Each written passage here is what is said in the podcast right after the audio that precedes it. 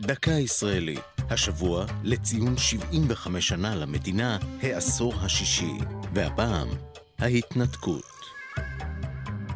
באמצע העשור השישי למדינה, עמדה בלב החברה בארץ אחת המחלוקות הגדולות בתולדותיה.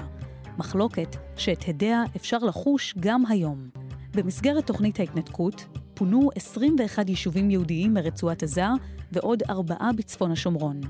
התוכנית שהציג ראש הממשלה אריאל שרון בדצמבר 2003 עוררה התנגדות רבה גם בקרב חברי הליכוד, מפלגת הבית של ראש הממשלה. עקב כך, הציג שרון תוכנית מתוקנת, זהה בתוכנה, אך בשלבי יישום שונים. כעבור פחות משנה אושרה התוכנית בכנסת והאיצה את המאבק לביטולה. בשיא המחאה, שאימצה כסמל את הצבע הכתום, יצרו 130 אלף מפגינים שרשרת אנושית באורך 90 קילומטרים ממחסום ארז שבצפון הרצועה ועד לכותל המערבי. בתשעה באב תשס"ה, 2005, החל ביצוע התוכנית. בחצות הלילה נסגרו הכניסות לגוש קטיף והוחל במבצע יד לאחים, פינוי התושבים מרצון. כעבור יומיים החל הפינוי בכוח.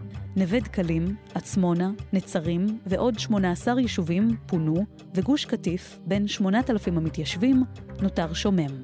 כעבור חודש עזב אחרון חיילי צה"ל את הרצועה.